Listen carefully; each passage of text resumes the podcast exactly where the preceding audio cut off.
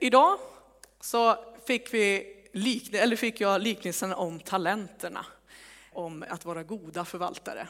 Eh, nu i sommar så har jag även varit lärare på Åhus eh, i konf- eh, konfirmation.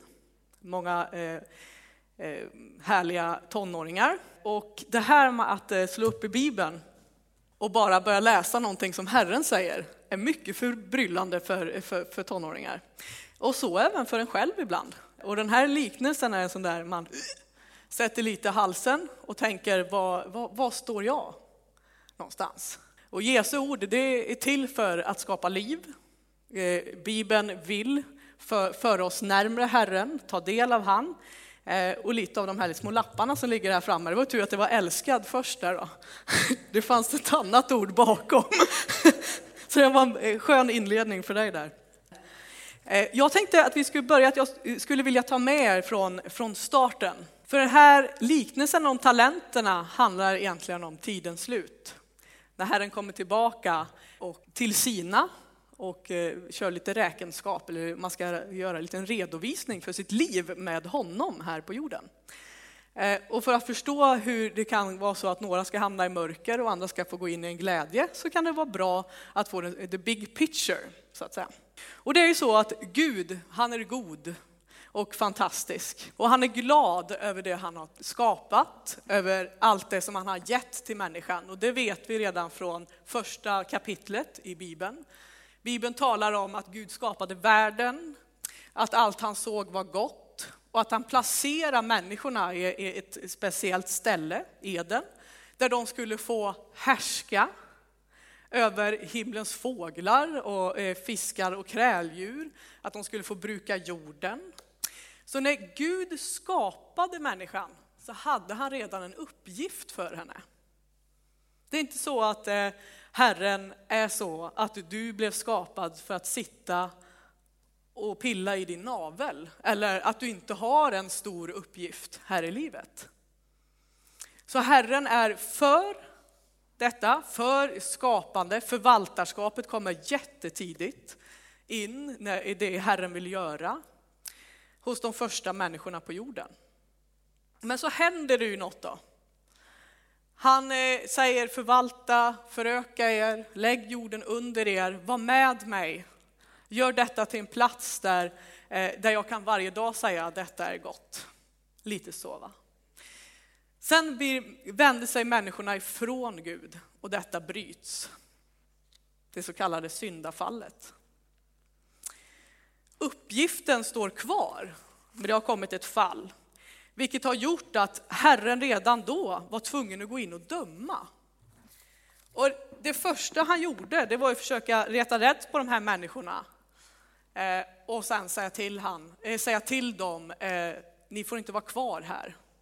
Utan han slängde ut dem från den platsen där de hade tänkt att eh, uppfylla den här uppgiften. Och där är vi. Alltså Gud, skap, skaparen, som vill människor väl. Han ger människan uppgift, gåvor. Han säger allt det här jag har skapat, är ni med? Jag vill att ni tar hand om det. det ska, ni ska få dela detta med mig. Människan går emot detta, förråder Gud kan man säga, olydig, sviker honom på olika sätt. Människan förlorar sin kärleksrelation till det Gud hade satt henne i. Och Gud måste gå in och döma. Och på något sätt försöka få den här relationen att bli bra igen innan man kan gå vidare med något annat. Och det är grunden också i det Jesus talar om idag, i denna liknelse om talenterna. Liknelsen har flera komponenter. Först har vi en man som verkar oerhört välbärgad. Eh, en som är, på något sätt äger väldigt mycket. Eh, han ska åka bort och han ska komma tillbaka. Och det kan man säga som i liknelsen är ju som Jesus. Det får vara Jesus. Han har fått allting av Fadern. Allt finns till genom honom. Han är mycket rik på många sätt. Han öser gåvor. Han är full av kärlek och nåd och så vidare. Och han har ju eh, farit upp till himlen men ska komma tillbaka.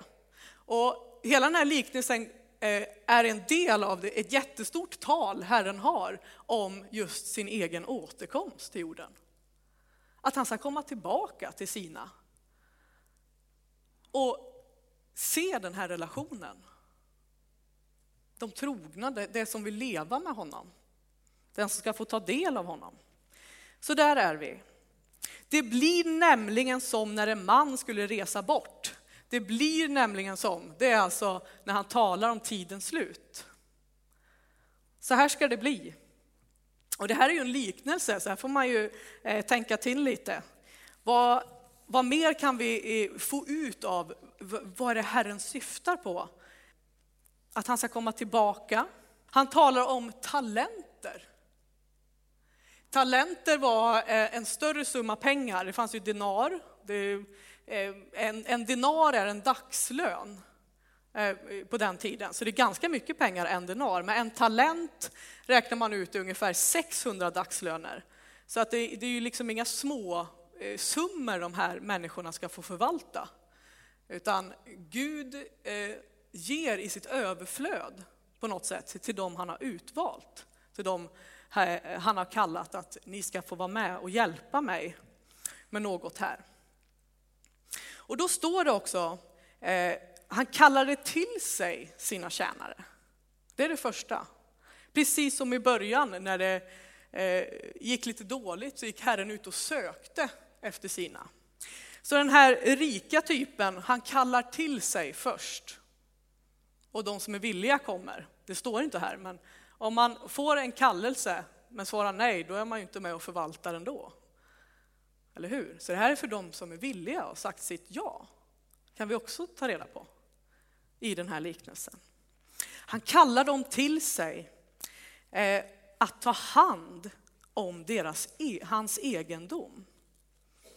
Och av detta kan vi direkt veta att eh, den här rike då, Gud, vill att vi ska vara hans medskapare. Vi ska få ta hand om det som är hans.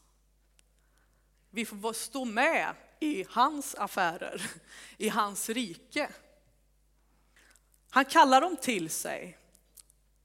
Åt var och en efter hans förmåga fick de olika gåvor eller talenten. En stor summa pengar i det här fallet. Och den här liknelsen syftar också till att, den här, eh, att, att Gud har mycket att ge människan. Att han är villig att lägga saker i dina och mina händer. Att vi får stå med och vara hans medskapare. Att vi får ta del av eh, eh, det han vill ge oss. Uppgiften och kallelsen. Kallelsen har jag sagt mitt ja, så har jag även en uppgift i hans rike. Jag får vara med och förvalta det Gud vill. Och vad kan vi då veta? Vad är det Gud vill? Jo, troligtvis i den här liknelsen så förväntar sig Gud växt. Och att saker och ting ska förmeras. Eller hur? Han säger att de som var goda och trogna, den som fick två, han kom tillbaka med fyra. Här är det lite multiplikation, alltså det, eh, det förmeras.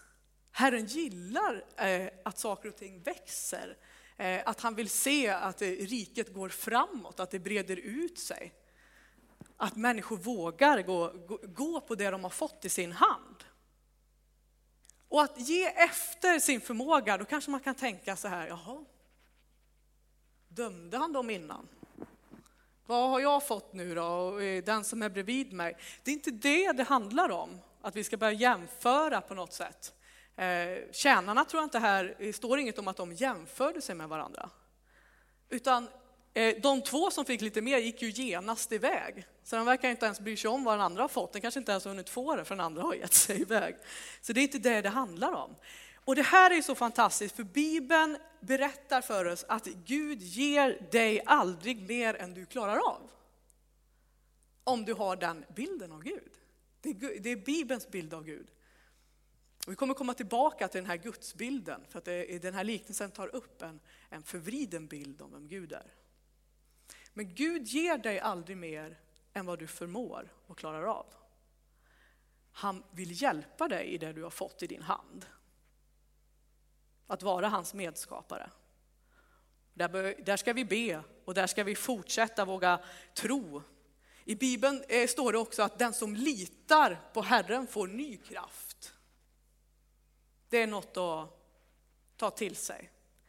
Att den som litar på Herren får ny kraft. Även där den känner att det här förmår jag inte. Herrens planer är för stora. Uppgiften är oändlig. Titta på världen. Hur ska vi kunna stå med och föra fram det här goda? Det som är rättfärdigt, det här riket som ska komma och som är här idag. Hur förmår jag detta? Eh, en annan tanke kring just att förmå, det är att be. Att Gud ska ge dig tro för det du har fått. För det kan vara överväldigande. Herren har alltså inte en denar till sina tjänare, utan minst en talent. Det är större gåva än vad vi kan tänka. Det är mer, eh, ditt liv betyder mer än vad du tror.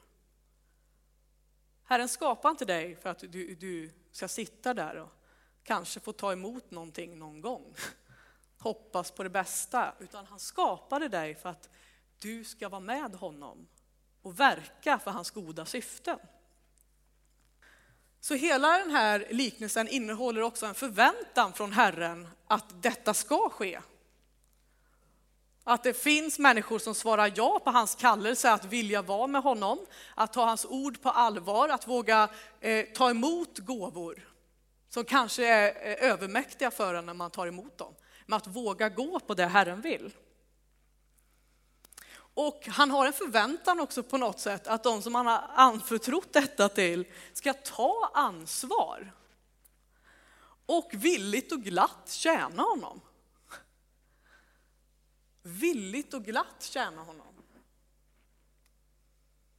När vi har nattvard här, när vi har eh, det största tänkbara kärleksförklaringen någonsin, att Herren dog för våra synder, att han visar sin kärlek gång på gång, trots att varje morgon han slår upp ögonen så är det någon som sviker honom, så står han kvar. Det gjordes det redan eh, den första veckan i skapelsen. Han var med ett fruktansvärt svek, men han står kvar. Han är kärlekens, han är ljuset, han är den som har och förmår och kan ge i överflöd. När vi tar emot gåvorna så säger vi ju efteråt, gå i frid och tjäna Herren med glädje. Och så tänker man, hur, hur ska detta gå till? Vad, eh, vi ska hitta ett villigt och glatt hjärta för honom. Och då måste vi hela tiden gå tillbaka till detta. Att Herren först och främst är den som är god och den som är kärleksfull. Ha rätt relation till Herren. Och jag skulle vilja säga en sak om förvaltarskap. Jag, eh, under, jag har varit, eh, gått i kyrkan nästan eh, ja, hela mitt liv, eller så gammal är jag inte, men så länge jag har funnits. Eh, på olika sätt och rört mig i olika sammanhang. Och förvaltarskap är något så negativt för mig. Det låter som att man ska sitta och du vet, eh, vara en sån där som gör rent tavlor eh, som någon annan har målat. Det är inget fel med det, men ni vet att man ska uppehålla någonting istället för att skapa nytt. Förvaltarskapet är bevarande. Nej, men den här lokalen har vi alltid haft. Nu behåller vi den. Utan vad, vad, vad, vad kan vi göra mer med den? Förvaltarskap handlar i första hand inte om bevara, tydligen, utan faktiskt förmera. Eh, göra nytt. Ta hand om det som är givet dig. Inte eh, bara placera det någonstans och säga tack för den gåvan. Den, den tänker jag inte ta hand om. Eller, eh, det är som att ha en trädgård utan att vattna den.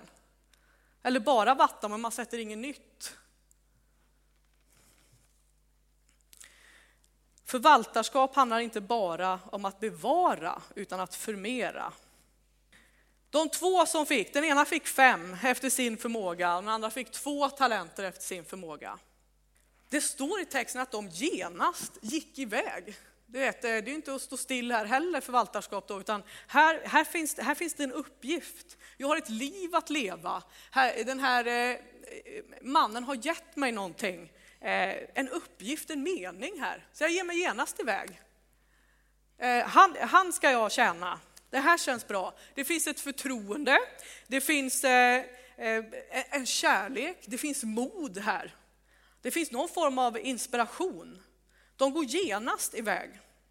Men den tredje då? Den fick en talent. Det innebär inte att den eh, eh, skulle vara utan förstånd eller att, att den var galen från början så att den misslyckades. För Herren hade tro för att den här eh, människan skulle få den här uppgiften, den här gåvan från honom och tjäna honom på bästa sätt. Så Herren har alltid större tankar och mer för varje människa oavsett vad man tror att man klarar av så att säga. Den tredje gör ju det här väldigt speciella att man får någonting och sen gömmer man undan det. Han gläds inte över gåvan. Det verkar som att han är nästan lite orolig och det står även i texten att han är rädd. Va?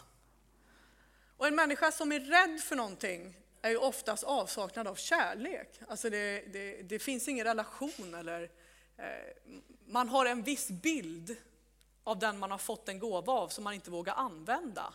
Man kan känna att man står i skuld till den. Eller, ja men ni vet, eh, det här är ju ganska banalt, men nej, om, du, om jag går på en middag hos dig så kommer jag ju säkert behöva bjuda tillbaka. Alltså, en typisk bild. Eh, alltså ni vet eh, hur vi människor alltid tänker på ett själviskt sätt när någon vill ge någonting. Och när någon även ger något så fantastiskt som att vill du vara med och tjäna mig? Det är ju en kärleksförklaring. Inte bara givandet att ta emot, utan att även få stå med. Så relationen och gudsbilden är ju avgörande för hur du och jag tjänar Herren. Vår relation. Vi kan vara som eh, den här typen annars va? Att vi gömmer undan, att vi känner att vi inte duger eller eh, att det är en, en komplex eh, bild, en felaktig, sann, ofalsk bild av vem Gud är. Och jag ska ta med er till första Petrusbrevet. Han påminner då de som har sagt ja till kallelsen, alltså eh, de som kallar sig kristna, så skriver han så här. Men nu är slutet på allting nära. Och då kommer han tillbaka till förvaltarskap, alltså hur vi har levt våra liv med Herren. Alla gåvor vi har fått, allt det Herren, eh, vår kallelse, vår uppgift, att få stå med honom. Men nu är slutet på allting nära. Var då samlade och nyktra så att ni kan be. Framför allt ska ni älska varandra i hängivenhet, ty kärleken gör att många synder blir förlåtna. Var gästfria mot varandra utan att knota. Tjäna varandra, var och en med den nådegåva han har fått, som goda förvaltare av Guds nåd i dess många former. Den som talar ska komma ihåg att han får sina ord från Gud. Den som tjänar, att han tjänar med den styrka Gud ger. Låt Gud förhärligas i allt detta genom Jesus Kristus. Ty hans är härligheten och makten i evigheters evighet. Och så avslutar Petrus med amen. Låt det bli så. Ty det är hans är härligheten och makten. Vi får stå med och förhärliga Gud här på jorden genom att vara hans förvaltare och medskapare. Och jag har de här lapparna för att vårt samhälle och eh, kultur skiftar på detta. Att om jag ska vara älskad, om jag ska kunna svara ja, så måste jag ha gjort massor innan. Guds kärleksförklaring kommer ju innan hans kallelse att följa honom. Måste du säga ditt ja.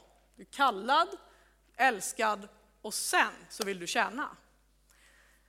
Och jag hade, eh, på det här konfirmationsläget så var det en, eh, en konfirmand som blev helt förbryllad över detta. Vi läste lite bibeltexter, Guds stora kärleksförklaring. Jag sa så här, men det är Jesus, han frälser dig. Vet du.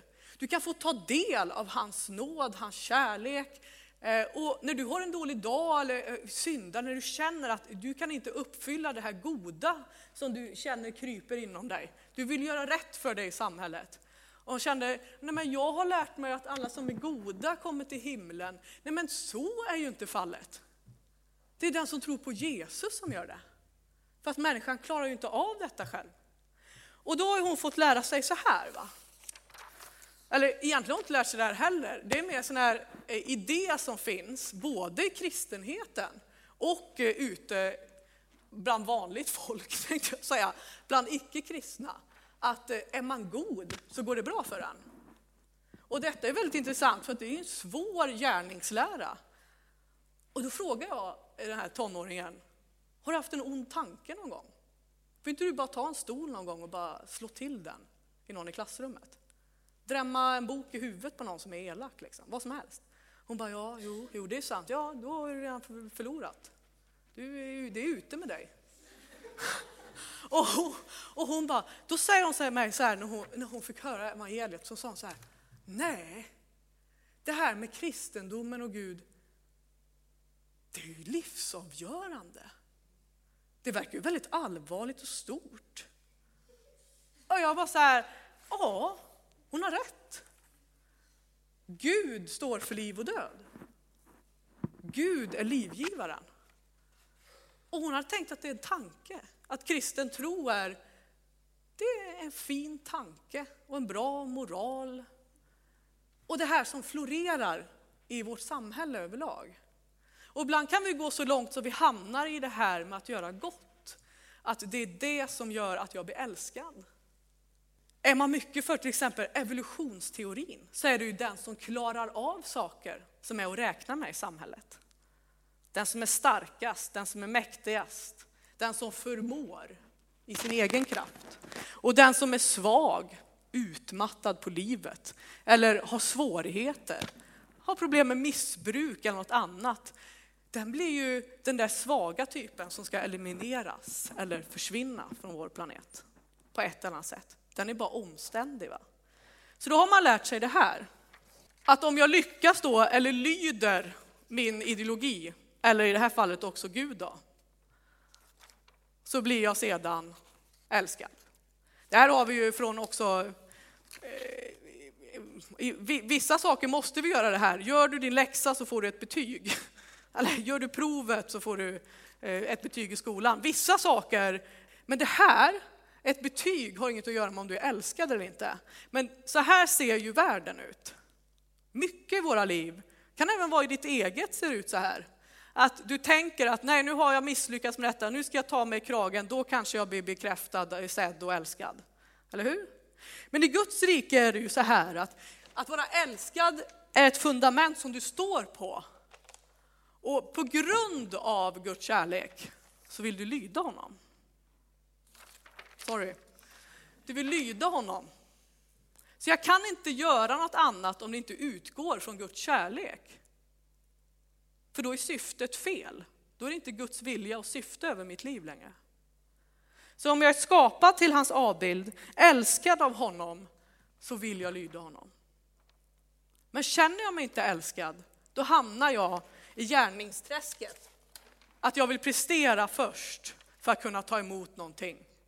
Jag är lite för värdelös fortfarande, men jag ska hitta ett bättre värde så jag vågar ta emot från Gud.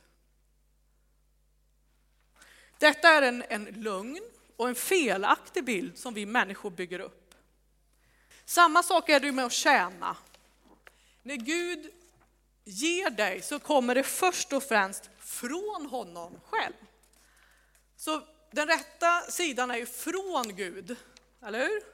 Vi får från Gud, vi är från Gud. Vi får gåvor från Gud. Allt är hans, det himmel och jord rymmer. Jag vill lova honom med hela mitt hjärta, med hela min själ, för kungar, eh, eh psalmisten. Han älskar Herren för han har sett hans underbara verk till exempel. Han har sett att mycket kommit till insikt över att det jag har i mitt liv är från Gud. Och därför vill jag ge det tillbaka och tjäna för honom och till honom. Okej? Okay? Från Gud till honom, tillbaka. Hur kan det då börja med Gud och sluta med Gud? Får man inte tänka på sig själv någon gång? Men det här med att vara för Gud är ju det kristna livet. Att jag vill leva i ett förhållande med honom. Jag vill leva i att kunna vara med och få förmera de, det han har lagt ner i mitt liv. Det kan vara en dröm, en vilja, en Guds vilja över ditt liv som du har haft. Att våga tacka Gud för den, våga ta emot och göra det till honom igen. För det är då multiplikationen händer. Att vi vågar leva och ära honom och tjäna för och till honom. Mycket i livet försöker eh, förleda oss ifrån detta. Du är ingenting värd eller bilden av Gud kan vara som den som faktiskt eh, eh, Jesus målar upp som ond eh, och självisk. Han är både självisk och ond och den här rädda typen. Och det är för att han har fel bild av vem Gud är. Och han har missat det första, att Gud inte skulle älska. Att han är en hård och orättfärdig och orättvis eh, Herre. Och det kan vara saker i livet som gör att vi tänker så. Sjukdom, svåra situationer, skolämnen, evolutionsteorin, inte vet jag. Det kan vara vad som helst som gör att vi backar av och får en bild av Gud som den som inte ställer upp, den som inte är god, inte är barmhärtig. Och när vi låter den bilden komma över våra liv, ja, då blir det svårare att leva med Herren. Då blir det svårare att, att våga göra något av det man visste att en gång i tiden fick jag höra Gud tala eh, om att jag har ett syfte med mitt liv som är större än eh, eh, han vill ingripa längtan jag har i mitt hjärta. Det kan vara allt från familj till, till att, ja men det här med att, att förvalta, att få det där yrket som jag vet att det här är jag klippt och skuret för. Jag vågar inte gå ut i det längre. Man vågar inte följa Gud längre, för man har en, en osann, en falsk bild om att han skulle vara sträng och hård. Och du har glömt att han, du är först älskad, sen kallad och sen ska du vara hans tjänare. I den ordningen är det. Vi måste påminnas om detta. Så att vi inte går genom livet och är rädda. Rädda för beslut, rädda för att eh, bjuda in Gud i alla livets områden. Att våga leva med honom. Så en fråga är ju, har du det rätt ställt med Gud i din vardag?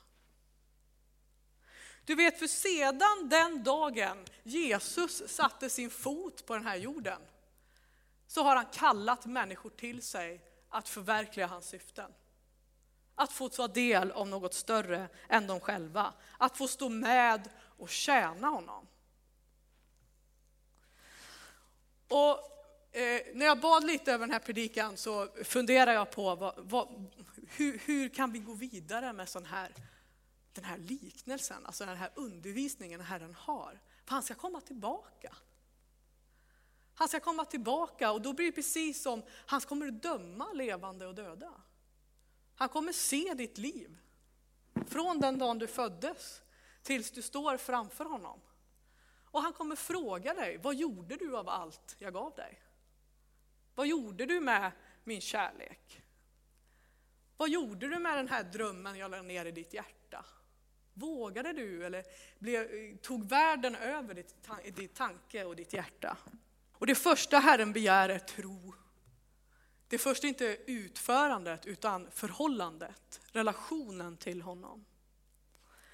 Och eh, när jag bad så fick jag lite tips vad man kan göra här. Och jag skulle vilja börja med dig som känner igen dig i han som fick en talent. Till dig som vet med dig att du har gömt undan gåvor som Herren har gett dig. Eller till och med kanske grävt ner dem. Och känt, det här är för mycket. Människor, sjukdom, synd, otro kom i vägen. Så är mitt råd till dig att du ska genast sätta igång. Det kan vi lära oss av texten. Här behöver man inte vänta så länge. Du ska genast sätta igång och du ska be Herrens ande först och främst om hjälp att få en klar och sann bild om vem Gud är. För det börjar oftast inte hos dig själv utan det börjar alltid med Gud. Från Gud till Gud ska vi leva. Så att våga be om hjälp att få en klar och sann bild och, om vem Gud är. Och sedan ska du be att Gud ger dig nytt mod och ny kraft. Att våga gräva upp och gå ut i den kallelse och uppgift Herren har gett dig. Han vill det. Och, och, liknelsen har ju en annan härlig sak. Det, står, det är både härligt och inte alls kul, men det står att han var länge borta. Så du har ju lite tid på dig. Men du vet aldrig när han kommer. Det vet han inte själv. Det står bara Fadern vet det. Men du har lite tid på dig, så mitt råd är att genast sätta igång, för Herren är ju den som vaknar upp varje morgon. Eller han sover ju inte om natten heller. Men när han varje morgon gryr så har han ny nåd för dig. Och ny längtan över att du ska våga gräva upp det där. För Herren vill ha med dig i den här världen. Herren har ett syfte med ditt liv. Sen så fick jag också till ledare här inne. Eh, du kanske är böneledare eller församlingsledare eh, eller står i en tjänst i Guds rike lite mer så här eh, i kyrkligt på, på olika sätt. Man kan stå i tjänst för Guds rike och vara skomakare om man vill också, det går jättebra. Då är min fråga till dig, din grupp, din församling, eller det som du har fått eh, gå in och förvalta. När Herren kommer tillbaka, vad är det du och din grupp har gett honom då? Vad är ni kända för? Är det att ni ärar honom?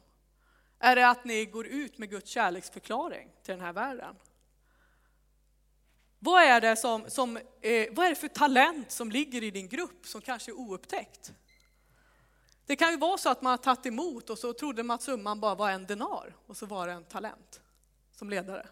Så tänker vi oftast, det är skönare med en denar, då kanske jag kan fixa den på förmiddag. Men din tjänst inför Herren kan vara större än du tror. Därför måste du fråga Herren som ledare i hans rike. Hur stor var gåvan egentligen? Vad finns det mer jag kan förmera och göra i mitt liv för att eh, eh, förverkliga och fullborda ditt syfte med just där jag står, där jag tjänar dig? För det har betydelse. Det betyder mycket för Herren. Han ska komma tillbaka och fråga dig om det. Bara det är ju en mäktig tanke.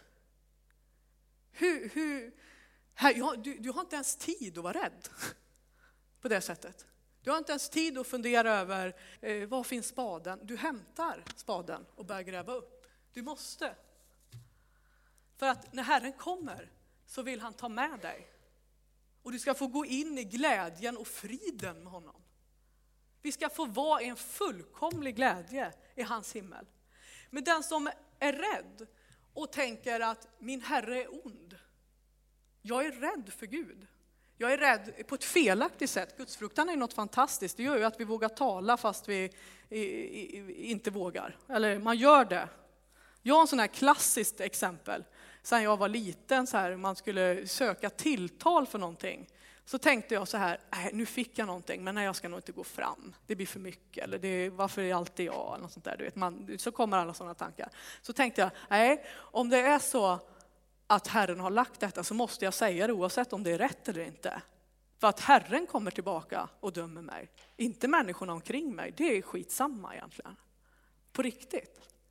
Vi måste börja fokusera på eh, den som ska ha all ära, den som, den som vill ta med oss hem till det fantastiska, den plats som är beredd för oss. Han vill återkalla på sitt folk att våga gå på hans kallelse. Och sen så fick jag bara så här till, till du som har gått i pension, som är äldre här inne. Det fantastiska med den här liknelsen det är ju att det står att du kanske känner att nej, jag fick lite talenter, jag har bett, jag har fostrat en fin familj eller eh, jag har levt ett liv. Och jag ska eh, snart få, få vandra vidare. Och så kanske man tänker så här att eh, du kanske ligger bland de två första här också. Så kan det vara. Men då står det att den som redan har ska få ännu mer. Så du kan inte sluta med någonting heller än. Du får ännu mer att förvalta. Du har ännu mer uppgifter. Du har mer att, att få ta del av med Guds kärlek. Eh, eh, du, du, du har ju levt och sett det här, det Gud har skapat, både det som, är, det som människan har eh, gjort sönder och det som, är, det som är gott. Så den som har, den ska få ännu mer. Så att känner du att nej, men nu börjar tiden ty, tyna, så spelar det ingen roll för att det finns mer. Herren har alltid mer för, för dig. Du ska fortsätta leva med tanken på att din dag har en stor betydelse i Guds rike. Att det finns mycket att göra för att den här världen ska få höra om Herren, ska få kunna leva i harmoni med honom och att vi tillsammans ska kunna tjäna honom med glädje. Låt oss be tillsammans. Och herre, jag vill tacka dig för ditt ord. Tack Herre att det finns hopp för var och en. Att du är den som ska komma tillbaka och döma den här världen rättvist och i din kärlek Herre. Vi ber för, eh, för människor som är eh, på väg till mörkret, som ska få, få försvinna från ditt ansikte helt och fullt. Vilken fruktansvärd grej Herre. Vi ber att de ska få fatta nytt mod, att de ska få tro för att du lever. Att den här staden ska få se eh, din generositet, din, din kärlek, din nåd. Tack för att det är något vi inte förtjänar utan vi får villigt från dig. Tack att vi är älskade av dig för att kunna bli drivna av din kärlek till att fullborda ditt verk här på jorden. Få stå med dig Jesus. Tack för din stora kärleksförklaring över våra liv och att det väntar en fantastisk plats fylld av glädje och att vi ska få se ditt ansikte. Jesus, vi ber även för den här eh, församlingen. Om det är något Herre som du vill tala till oss. Du vill påminna oss om vad vi behöver gå ut i, vilka talenter vi har fått vad du vill göra i den här staden. Så kom helig ande, fyll oss på nytt med mod, med förmaning om det behövs Herre. Jag vill även be för den som känner att man har lagt undan någonting som du har givit. Det som känns som att det blev dött istället för liv. När oro, rädsla eller otro har kommit över och man har grävt ner dina goda gåvor i våra egna personliga liv, Herre. Så ber jag, du som är den som älskar, du som är den som vill väl, du som ger mening, ger livet en mening var dag, Herre. Att du bara får komma och göra den här bilden av dig sann igen. Att vi inte ska gå runt här och frukta på fel sätt. Att våga gå ut i tro och förmedla och förmera din uppgift i denna värld, Herre. I Jesu namn. Amen.